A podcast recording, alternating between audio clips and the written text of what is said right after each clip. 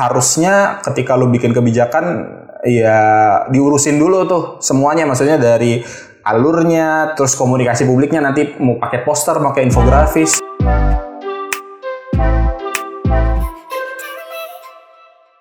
Pada hari ini Depok Bercerita itu kedatangan tamu. Jadi tamunya itu kalau misalnya kemarin dari pejabat ya kan. Terus abis itu ada lagi yang pengusaha makanan. Nah kalau sekarang kita pekerja kantoran gitu. Tapi ini pekerja kantorannya dari mana ya wilayahnya? Jakarta lah gitu ya. Siapa pun masih deket-deket sama Depok boleh lah ya. Jadi namanya Bang Nobi gitu. Kalau misalnya mau langsung, langsung, ini udah dada dada sih. Ya udah kita langsung aja Bang gue udah Nobi. dada ke mana nih halo halo halo halo udah dada dada ke sana ya Bang ya? gue bingung nih kameranya yang mana nih Ke sana ke sana. oh sana sana Jadi Bang Nobi, kenal kan sama gue ya? kenal Iya. Wah sering melihat di YouTube YouTube Depok bercerita lah Iya, baru baru banget. oke oke Jadi Bang Nobi, Hmm. em, kita nih kan mau ngobrol-ngobrol nih ya Bang Hmm. ya, seperti yang tadi gue bilang bener kan ya Bang ya, Abang Benar. sebagai pekerja kantoran di Jakarta ya Bang ya. Eh, Sebenarnya kita itu di sini mau ngebahas tentang yang lagi bukan yang lagi hangat sih, iya sih lagi hangat, cuman lebih ke meresahkan sih kayaknya ya, meresahkan masyarakat. bikin kesel ya. Iya bikin kesel ya bang. ya. Apa nih? itu loh yang SIKM itu Hmm. surat izin keterangan mudik ya. Ya kita nggak usah bahas yang gimana-gimana. Lebih ke pusatnya di Jabodetabek aja. Hmm. Meskipun kalau misalnya kita tahu sebenarnya itu surat diterbitin, di situ tulisannya kita nggak boleh mudik, larangan mudik dari tanggal 6 Hmm. sampai tanggal 17, 17 Mei Mei. ya Bang ya. Hmm. Sama sebenarnya ada di situ keterangan daerah yang dinyatakan untuk dilarang mudik antar kotanya itu. Eh, sebenarnya yang pertama kali gue tahu itu di akun apa ya pokoknya terkait di Depok lah gue lupa Hmm. antara info Depok atau Depok 24 jam dan segala macam Mm-mm. eh apa namanya Depok mengeluarin surat gue lupa namanya dia bukan SIKM dia apa gitu SDKM atau SKMD atau segala macam pokoknya beda gue baca tulisan suratnya adalah kesannya eh, nggak boleh. Ke, ke- kalau lu mau keluar masuk dari Depok itu eh, apa namanya harus izin ke kelurahan. Ah iya. izin ke kelurahan. Hmm, dan betul. ini jadi jadi satu hal yang apa ya aneh. Karena yang gue tahu gitu dari awal yang gue pernah baca-baca di berita-berita adalah kalau lu tinggal di Jabodetabek itu boleh. Maksudnya untuk beraktivitas eh, apa namanya kerja dan segala macam. Misalkan lu tinggal di Depok mau ke Jakarta oke. Lu tinggal di Depok mau ke Bekasi oke. Lu tinggal di Depok mau tinggal eh, mau ke Tangsel oke. Tapi eh, yang gue dapat ini suratnya eh, malah mengesankan kita kalau misalkan nih gue dari dari Beji mau ke Lenteng Agung nih. Atau enggak misalkan naik gue dari naik mobil dari UI masuk UI kan Depok tuh. Iya. keluar UI kan udah Jakarta ya? Iya. itu nggak bisa. Harus ada surat izinnya. Aduh. aduh. ya nggak bisa gitu kan. Jadi ya gue juga bingung gitu dengan dengan aturan yang ada gitu. Dan terlebih kemarin apa ya dari satgas satgas covid Prof. Wiku bilang eh, tadinya kan boleh tuh dari Depok ke Jakarta Jakarta ke Depok dan Iya, segala iya, macam gitu kan. Tiba-tiba katanya nggak boleh jadi dari Jakarta eh, ke Depok atau Depok ke Jakarta atau sebagainya lah. Jadi nggak boleh. Nah ini yang jadi bingung sih sebenarnya mau Iya, mau benar, mau mau benar. aturan mana sih yang harusnya di diikutin dan dan dan mana gitu. Kan gue dari gue gue kerja di Beji. Eh sorry sorry. Gue rumah gue rumah di Beji kerja di eh, Kebon Sirih daerah Kebon Iya. Sirih gitu. Jadi ya tiap hari pasti naik KRL gitu. Ya gimana gitu? Maksudnya mau dibatesin apa ketika gue naik kereta dari Depok Baru terus di UP diturunin gitu kan? Ditanyain mana surat izinnya gitu kan?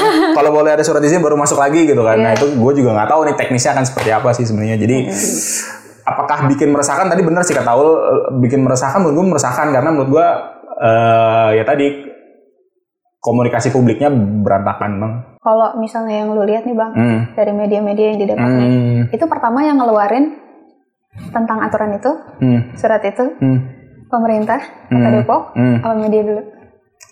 media dulu sih Media dulu. bener bener bener Tapi habis itu baru wali kota. baru boleh kotanya Nah ini sebenarnya yang agak gimana gitu ya. Hmm. Soalnya kan kalau misalnya kayak gini empuk banget itu ya pemerintah. benar karena ya apa namanya ya media akan akan beritain yang, yang akan ngejual paling gitu kan Iya, cuman kan jadi jatuhnya yang manfaatin momen juga Hmm. kan. Kalau misalnya kayak gitu sebenarnya ada baiknya kalau misalnya itu juga eh, apa namanya wali kota duluan kan? Setuju nggak sih lu bang?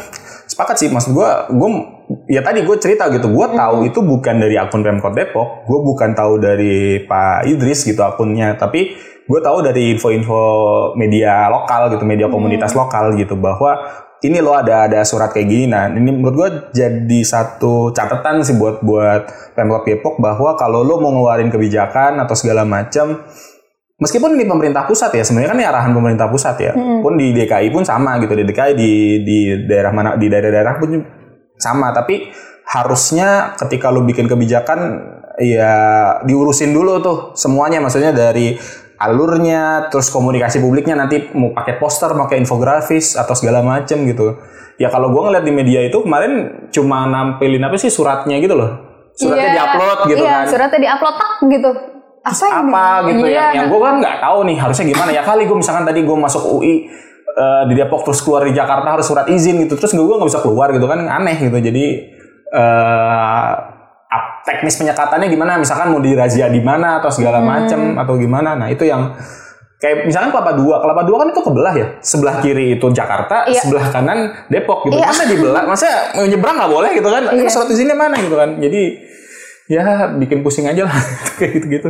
Ya lu tahu sendiri lah. Banyak banget pasti karyawan ke sana gitu kan. Hmm. terus belum lagi lu pernah lihat nggak sih bang kayak ada yang diupload gitu di IG tentang karyawan atau buru-buru gitu yang akhirnya pada diturunin Oh iya iya yang di Cikarang ya. iya ruas tol Ini eh, Jakarta Cikampek, Cikampek, Cikampek, Cikampek itu ya? Jakarta Cikampek karena Cikampek. itu kan bus bus ini ya, bus karyawan ya. Mereka ngejemput biasanya kalau nggak dari Bekasi atau dari mana Hmm. gitu. Terus lu bayangin nih orang mau kerja biasa ke pabrik, pabriknya di Cikarang tiba-tiba ditutup gitu kan. Lah marah-marah lah gitu kan Iya. emosi gitu. Lah gimana orang mau kerja gitu kan. Jadi Iya.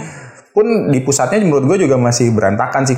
Pernah baca nggak yang di berita akhirnya ketika gara-gara macet tuh Jakarta Cikampek akhirnya dilolosin ya Dilolosin iya, iya. gitu. dilolosin karena ya udahlah gitu udah capek gitu kan itu belum 24 jam loh dari peraturan Ya karena gimana, salah juga kan pas di situnya. Maksudnya gini loh, udah jelas itu bus karyawan, Hmm. ya kan?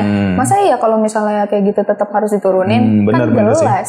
nah itu nah ini sih yang menurut gua eh, perlu juga sih kalau misalkan kalau entah pusat entah entah daerah misalkan Depok pun kalau bikin kebijakan tuh yang jelas dan tegas gitu. Maksud gua gue melihatnya tuh banyak aturan yang bisa dicari celahnya dan gak tegas gitu. Jadi ya banyak pengecualian dan segala macam. Akhirnya eh, masyarakat juga udah capek kan dengan aturan-aturan udah udah udah covid udah setahun lebih lah ya. Ya dari Maret tahun lalu kan. Maret tahun lalu setahun lebih udah pada capek udah pengen mudik Eh, kalau tegas mungkin bisa bisa bisa bisa bener, berhasil nih aturannya cuma kan akhirnya ketika banyak pengecualian banyak yang jadi apa ya jadi celah akhirnya ya udah pada gitu deh Ini aturan sebenarnya buat ngurangin uh, penyebaran COVID-19 Hmm. gitu ya. Kan itu ya sebenarnya Hmm. gitu. Jadi yang kayak perlu nggak sih? Eh, Tepat nggak sih gitu kan? buat buat buat gue sih sebenarnya apa namanya ya eh, ngelihat kalau ya mau nggak mau covid itu kan kesebar dari orang ke orang ya. Mm-mm. maksudnya eh, ya kalau lu membatasi perpindahan orang pasti ya covidnya ya di situ-situ aja gitu. Tapi yang jadi masalah adalah menurut gue kayak plan plan dari dari pemerintahnya sendiri. Maksudnya eh, ketika ngom ketika ada pernikahan rap gede-gedean dibolehin gitu Ya. misalkan. Atau misalkan wisata dibolehin gitu. Tapi ada ada sisi lain yang mereka uh, sangat relate yaitu mudik gitu. Tapi nggak dibolehin. Jadi hal itu yang menurut gue jadinya uh, masyarakat jadi ngerasa ah ini aja dibolehin gitu. Ah ini aja dibolehin kok ini nggak boleh? Jadi akhirnya uh, itu yang yang yang bikin jadi jadi bermasalah gitu menurut gue bukan karena tepat atau nggak tepat tapi lebih ke harusnya lu kalau bikin aturan yang tegas gitu jangan sampai banyak eh, gampang dicari celahnya, banyak pengecualian dan segala macam. Jadi kalau menurut gua eh, apalagi misalkan yang soal tadi misalkan yang soal Depok balik lagi sedikit ya. Eh, soal aturan gitu ya keluar masuk Depok gimana jagatnya gitu kan. Banyak gang banyak jalan kecil gitu Mm-mm. lu mau lewat Depok gampang gitu loh. Mau, mau keluar dari Depok gampang gitu. Di dari dari Beji ke mana? Ke Lenteng Agung ke Jagakarsa mah gampang gitu banyak. Nah itu kan akhirnya kita ngerasa apaan eh ya tadi atu- aturannya tuh harusnya jelas gitu untuk untuk ininya gitu sih. Sebenarnya kalau misalnya emang pembatasan mudik ya udah pembatasan mudik aja gitu kan. Cuma kalau misalnya di situ ditaruhnya katanya buat mengurangi penyebaran COVID-19, Hmm. kalau gue sih nggak setuju bang. Kenapa? Ya gimana ya? Emang dari kemarin juga kan sebenarnya pembatasan itu udah ada Hmm. dan memang masih diberlakukan Hmm. gitu kan. Kalau kata gue kalau misalnya emang mau bikin aturan dilarang mudik ya udah bikin aja aturan dilarang mudik gitu Hmm, kan. hmm, hmm, Jangan pakai yang di ini iniin gimana lagi. Iya, gitu. makanya tadi eh, kalau kalau banyak banyak ininya celahnya ya pasti akan ini aneh sih. Iya, udah mah maksudnya juga tahu sendiri kan. Ya kita ngomongnya di warga Depok aja lah ya. Hmm. Nggak semuanya. Bener sih sepakat bahwa harusnya informasinya ya jelas gitu. Jadi jangan Iya. jangan ambigu. Betul. Ini kalau misalnya buat anak-anak muda nih, ya anak-anak muda masih mending ya. Maksudnya bisa cari benang merah. Oh dari sini, dari sini, dari sini. Hmm. Gitu kan masih bisa nungguin, masih bisa sabar. Hmm. Coba kalau misalnya ibu-ibu, bapak-bapak, Hmm. itu sebenarnya gue rada risih sih nih ya bang ya. Hmm. Itu rumah gue samping-samping, itu mau pada pulang kampung kagak bisa gitu kan. Dan mereka tuh ibu-ibu, bapak-bapak yang literally ya tahu sendiri lah mereka Hmm. gimana mengharapkan momen lebaran untuk mau pulang kampung tapi Hmm. nggak bisa gitu kan. Hmm. Ngomong lah ke tetangga segala macam banyak. Dan gue mikirnya kayak, ini sebenarnya ini ini ini nambah-nambahin dosa orang puas-puasa aja kalau kata gue tuh. Oh, Betawinya keluar ya, Betawinya keluar ya. Sebel gue, ini gak apa-apa ya gue curhat dikit ya. Tapi emang bener gitu. Ya jangan dianeh-anehin lah kalau bisa. Ya sebenarnya gini sih kalau gue melihatnya harusnya bisa ada solusi yang tengah-tengah gitu. Maksudnya kalau lu misalkan mau mudik, eh, apa namanya, misalkan nih, eh, lu semua yang mudik dari baik darat, laut, udara itu bisa antigen misalkan, Mm-mm. tes antigen atau tes PCR gitu. Jadi solusi jalan tengah gitu. Kan mau nggak mau semua orang pengen mudik gitu, mau nggak mau udah setahun nggak mudik. Jadi Mhm. jadi menurut gua ya kenapa nggak dicari jalan tengah aja itu solusi sih salah satu solusi yang biar biar semoga biar eh, orang mau mudiknya tetap bisa tapi tetap menjaga protokol kesehatan juga. Kan ini semua daerah-daerah kan semuanya ngikutin ya, semuanya ngikutin pusat gitu. Kalau pusatnya pelintan juga daerahnya juga bingung gitu. Soalnya nih ya bang, yang gue dengar-dengar juga ya, enggak sih, gue lihat di berita Tangerang tuh enggak, gak apa-apa mau masuk keluar. Oh ya Tangerang. Tangsel ya. Ah. Hmm, Tangsel gue baca iya. Tadi tapi lucu sih. Jadi dia sebenarnya jadinya bandel sama pusat sebenarnya. Iya. Kalau Jakarta gimana ya, abang? Ah, kalau Jakarta setahu gua sih eh, pokoknya kalau lu keluar Jabodetabek, jadi memang harus eh, minta izin itu, minta izinnya via online. Jadi, jadi ada ada situs online-nya Jak Evo namanya. Jadi lu eh, daftar, upload surat misalkan lu mau kerja atau atau atau atau ada yang meninggal atau ham- istri hamil dan segala macam, tinggal upload berkasnya. Nanti tinggal tunggu maksimal dua hari itu udah keluar. Kalau lu yang mau kerja, masa tiap hari? Oh, kalau keluar Jabodetabek. Oh, kalau keluar Jabodetabek. Jabodetabek. Hmm. Nah itu kan kondisinya kan, gue sempat rame tuh ketika kemarin bilang ada pemerintah Jakarta, pemkotnya bilang, pemprofnya bilang bahwa kalau lu mau orang kerja di Depok ke Jakarta harus pakai surat tugas gitu. Eh, eh lah ribet banget bilang segala macam. Rumah gue di Beji ke bawah sini. Ternyata tapi katanya kemungkinan besar nanti akan ada kejelasan sih jadinya karena ya tadi Kemenhub bilangnya boleh, Satgas. eh, Satgas bilangnya nggak boleh gitu. Jadi gue nggak tahu juga nih. Masa ya tadi eh, lu eh, dari Depok Baru ke UP, UP diturunin semua kan nggak mungkin juga. Jadi eh ya KRL-nya aja masih jalan gitu.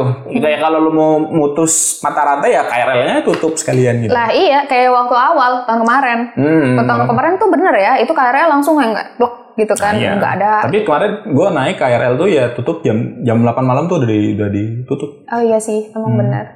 Jam 8 malam. Tapi lu BTW mudik nggak sih bang tahun ini?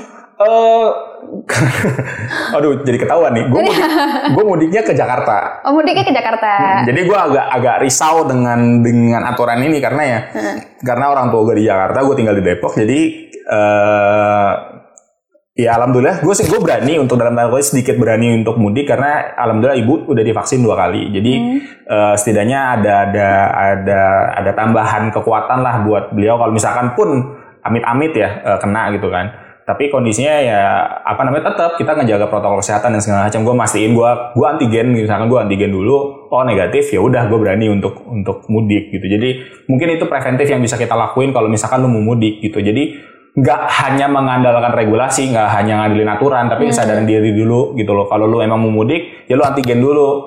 Oh, antigen kan paling cuma 100 ribu ya. Di Arafik, Citra Arafik murah tuh, cuy. Malah promo masuk ya. Tolong ya mohon nih. Saya membantu nih nih cerita. Oh salah ya.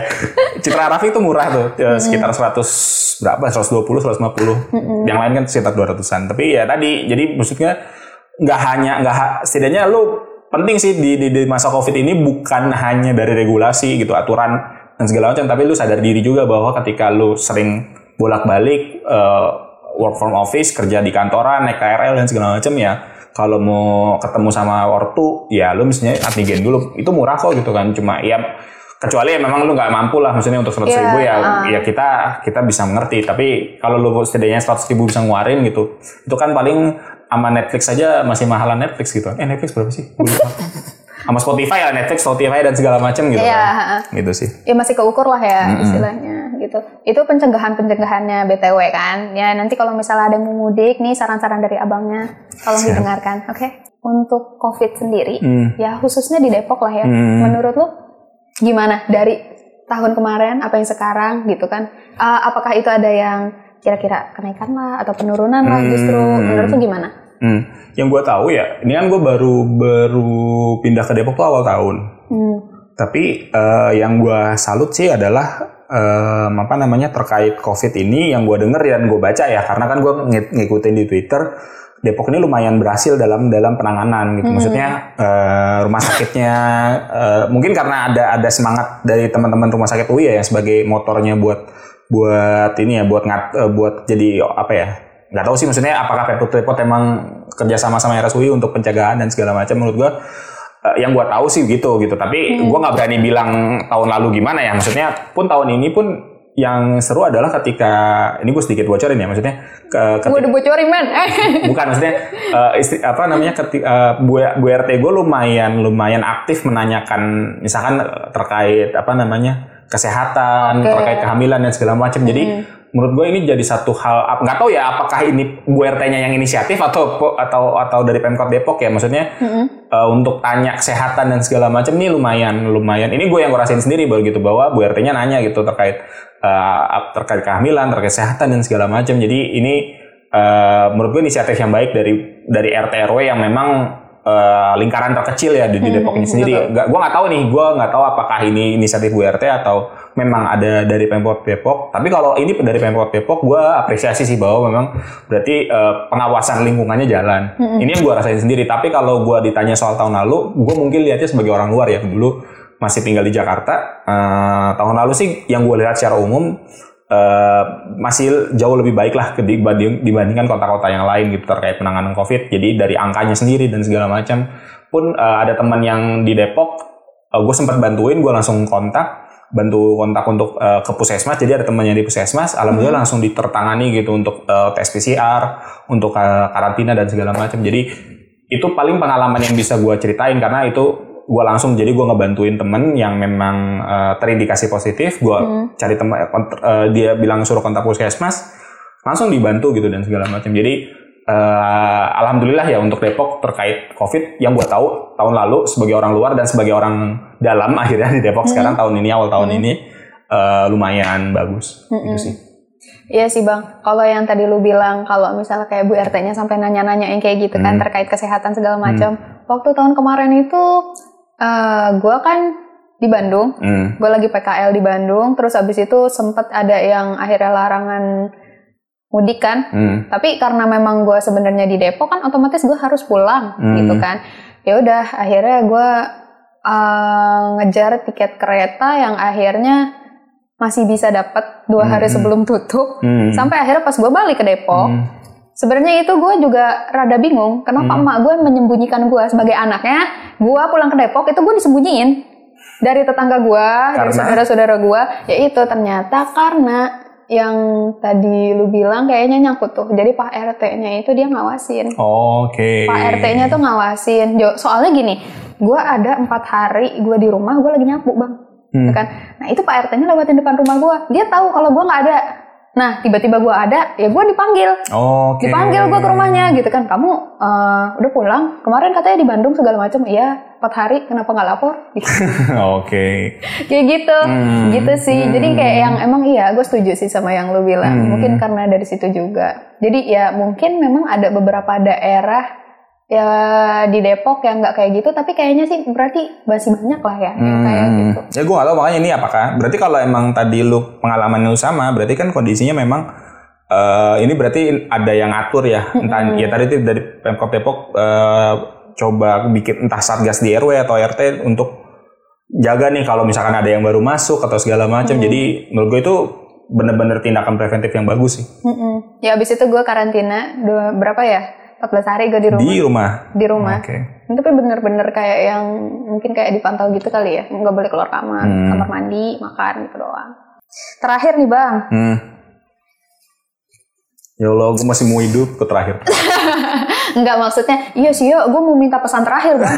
Kacau gak sih? Gue minta pesan terakhir dari Bang Nobi ceritanya. Tapi ini buat warga Depok yang kira-kira Oke. sekiranya mau mudik gitu kan menjelang Lebaran ini. Tadi sih udah sih sebenarnya ya. Iya, iya, udah ya. Cuman nggak apa-apa. Em, apa ya?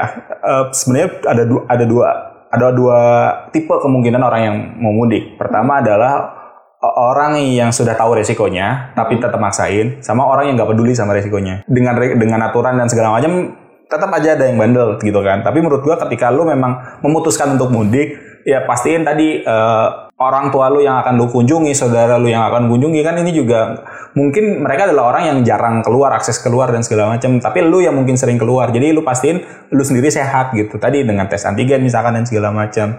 Nah kalau memang yang memaksain ya udah gitu. Itu itu itu hal yang bisa lu jalanin sebagai pencegahan gitu. Jadi kalau misalkan, eh, tapi kalau kondisi yang nggak peduli, nah ini gue juga bingung sih sebenarnya. ya. Iya. Udah nggak peduli ya udah capek ya. Gue ngerti sih mungkin udah capek banget dengan eh, kita udah capek dengan zoom, kita udah capek dengan segala macam gitu. Jadi eh, ya apa namanya, setidaknya kalau lu nggak nggak mikirin diri lu, kesehatan lu, setidaknya lu mikirin kesehatan orang tua lu atau saudara-saudara lu yang mungkin punya penyakit berat dan segala macam yang bahaya kalau misalkan kena covid. Kalau mungkin gua lu kita eh, umur masih muda mungkin penyakit nggak terlalu banyak belum terlalu banyak gitu. Tapi ya kalau kena covid mungkin ya udah habis karantina selesai gitu. Tapi gimana dengan orang tua yang mungkin punya asma punya jantung dan segala macam? Nah ini yang harusnya dipikirin sih. Eh, nggak cuma nggak cuma maksain untuk mudik tapi pastiin mudik lu bertanggung jawab gitu. Gua gua nggak nggak mendorong orang mudik nanti gua dimarahin satgas. Tapi intinya kalaupun lu maksain dan akhirnya ngakalin regulasi dan segala macam ya pastiin lu jadi yang bertanggung jawab juga gitu. Ya gitu sih. Pun gue mudik meskipun ya gue mudik di, di Jabodetabek gitu kan. Tapi kalau yang akhirnya ke mana ke daerah-daerah lain yang di luar Jabodetabek dan segala macam ya eh ya lu mesti mesti inilah mesti bertanggung jawab gitu dengan kondisi. Dan kalau misalkan ternyata terjadi apa-apa ya kita juga ya jangan sampai gitu sih amit-amit. Gitu sih Berarti intinya ya kawan-kawannya jangan eh jangan jadilah pemudik yang bertanggung jawab. siap Mantap. kayak slogan ya jadilah pemudik yang bertanggung jawab Siap. Nanti tolong editor nih jempol gue digede-gedein nanti nih. Oke.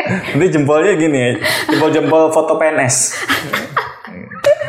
Oke, jadi kawan-kawan, em, alhamdulillah nih. Makasih Bang Nobi sudah berbagi-bagi ya berbagi-bagi berbagi info dan udah mau cerita-cerita juga Siap. bareng gua ke warga Depok ya kan atau barangkali memang ada selain warga Depok yang nonton nggak apa-apa. Terima kasih udah diajak. Heeh, eh, Eh. nggak kapok lah ya. Boleh. Iya, boleh boleh. Nanti kalau misalnya di luar Ini dekat, ini studionya dekat rumah alhamdulillah ya. Iya masih beji. Iya. Masih beji. masih beci ya. Sini masih Iya. beci alhamdulillah. Oke, alhamdulillah. Jadi kawan-kawan semuanya, segitu aja untuk hari ini. Terima kasih dari Aul dan seluruh kru. Jadi jangan lupa komen, like, dan subscribe Wih. YouTube channel Depok Bercerita. Oh, nggak ada ya? Di sini nggak ada ya? Di sini ada?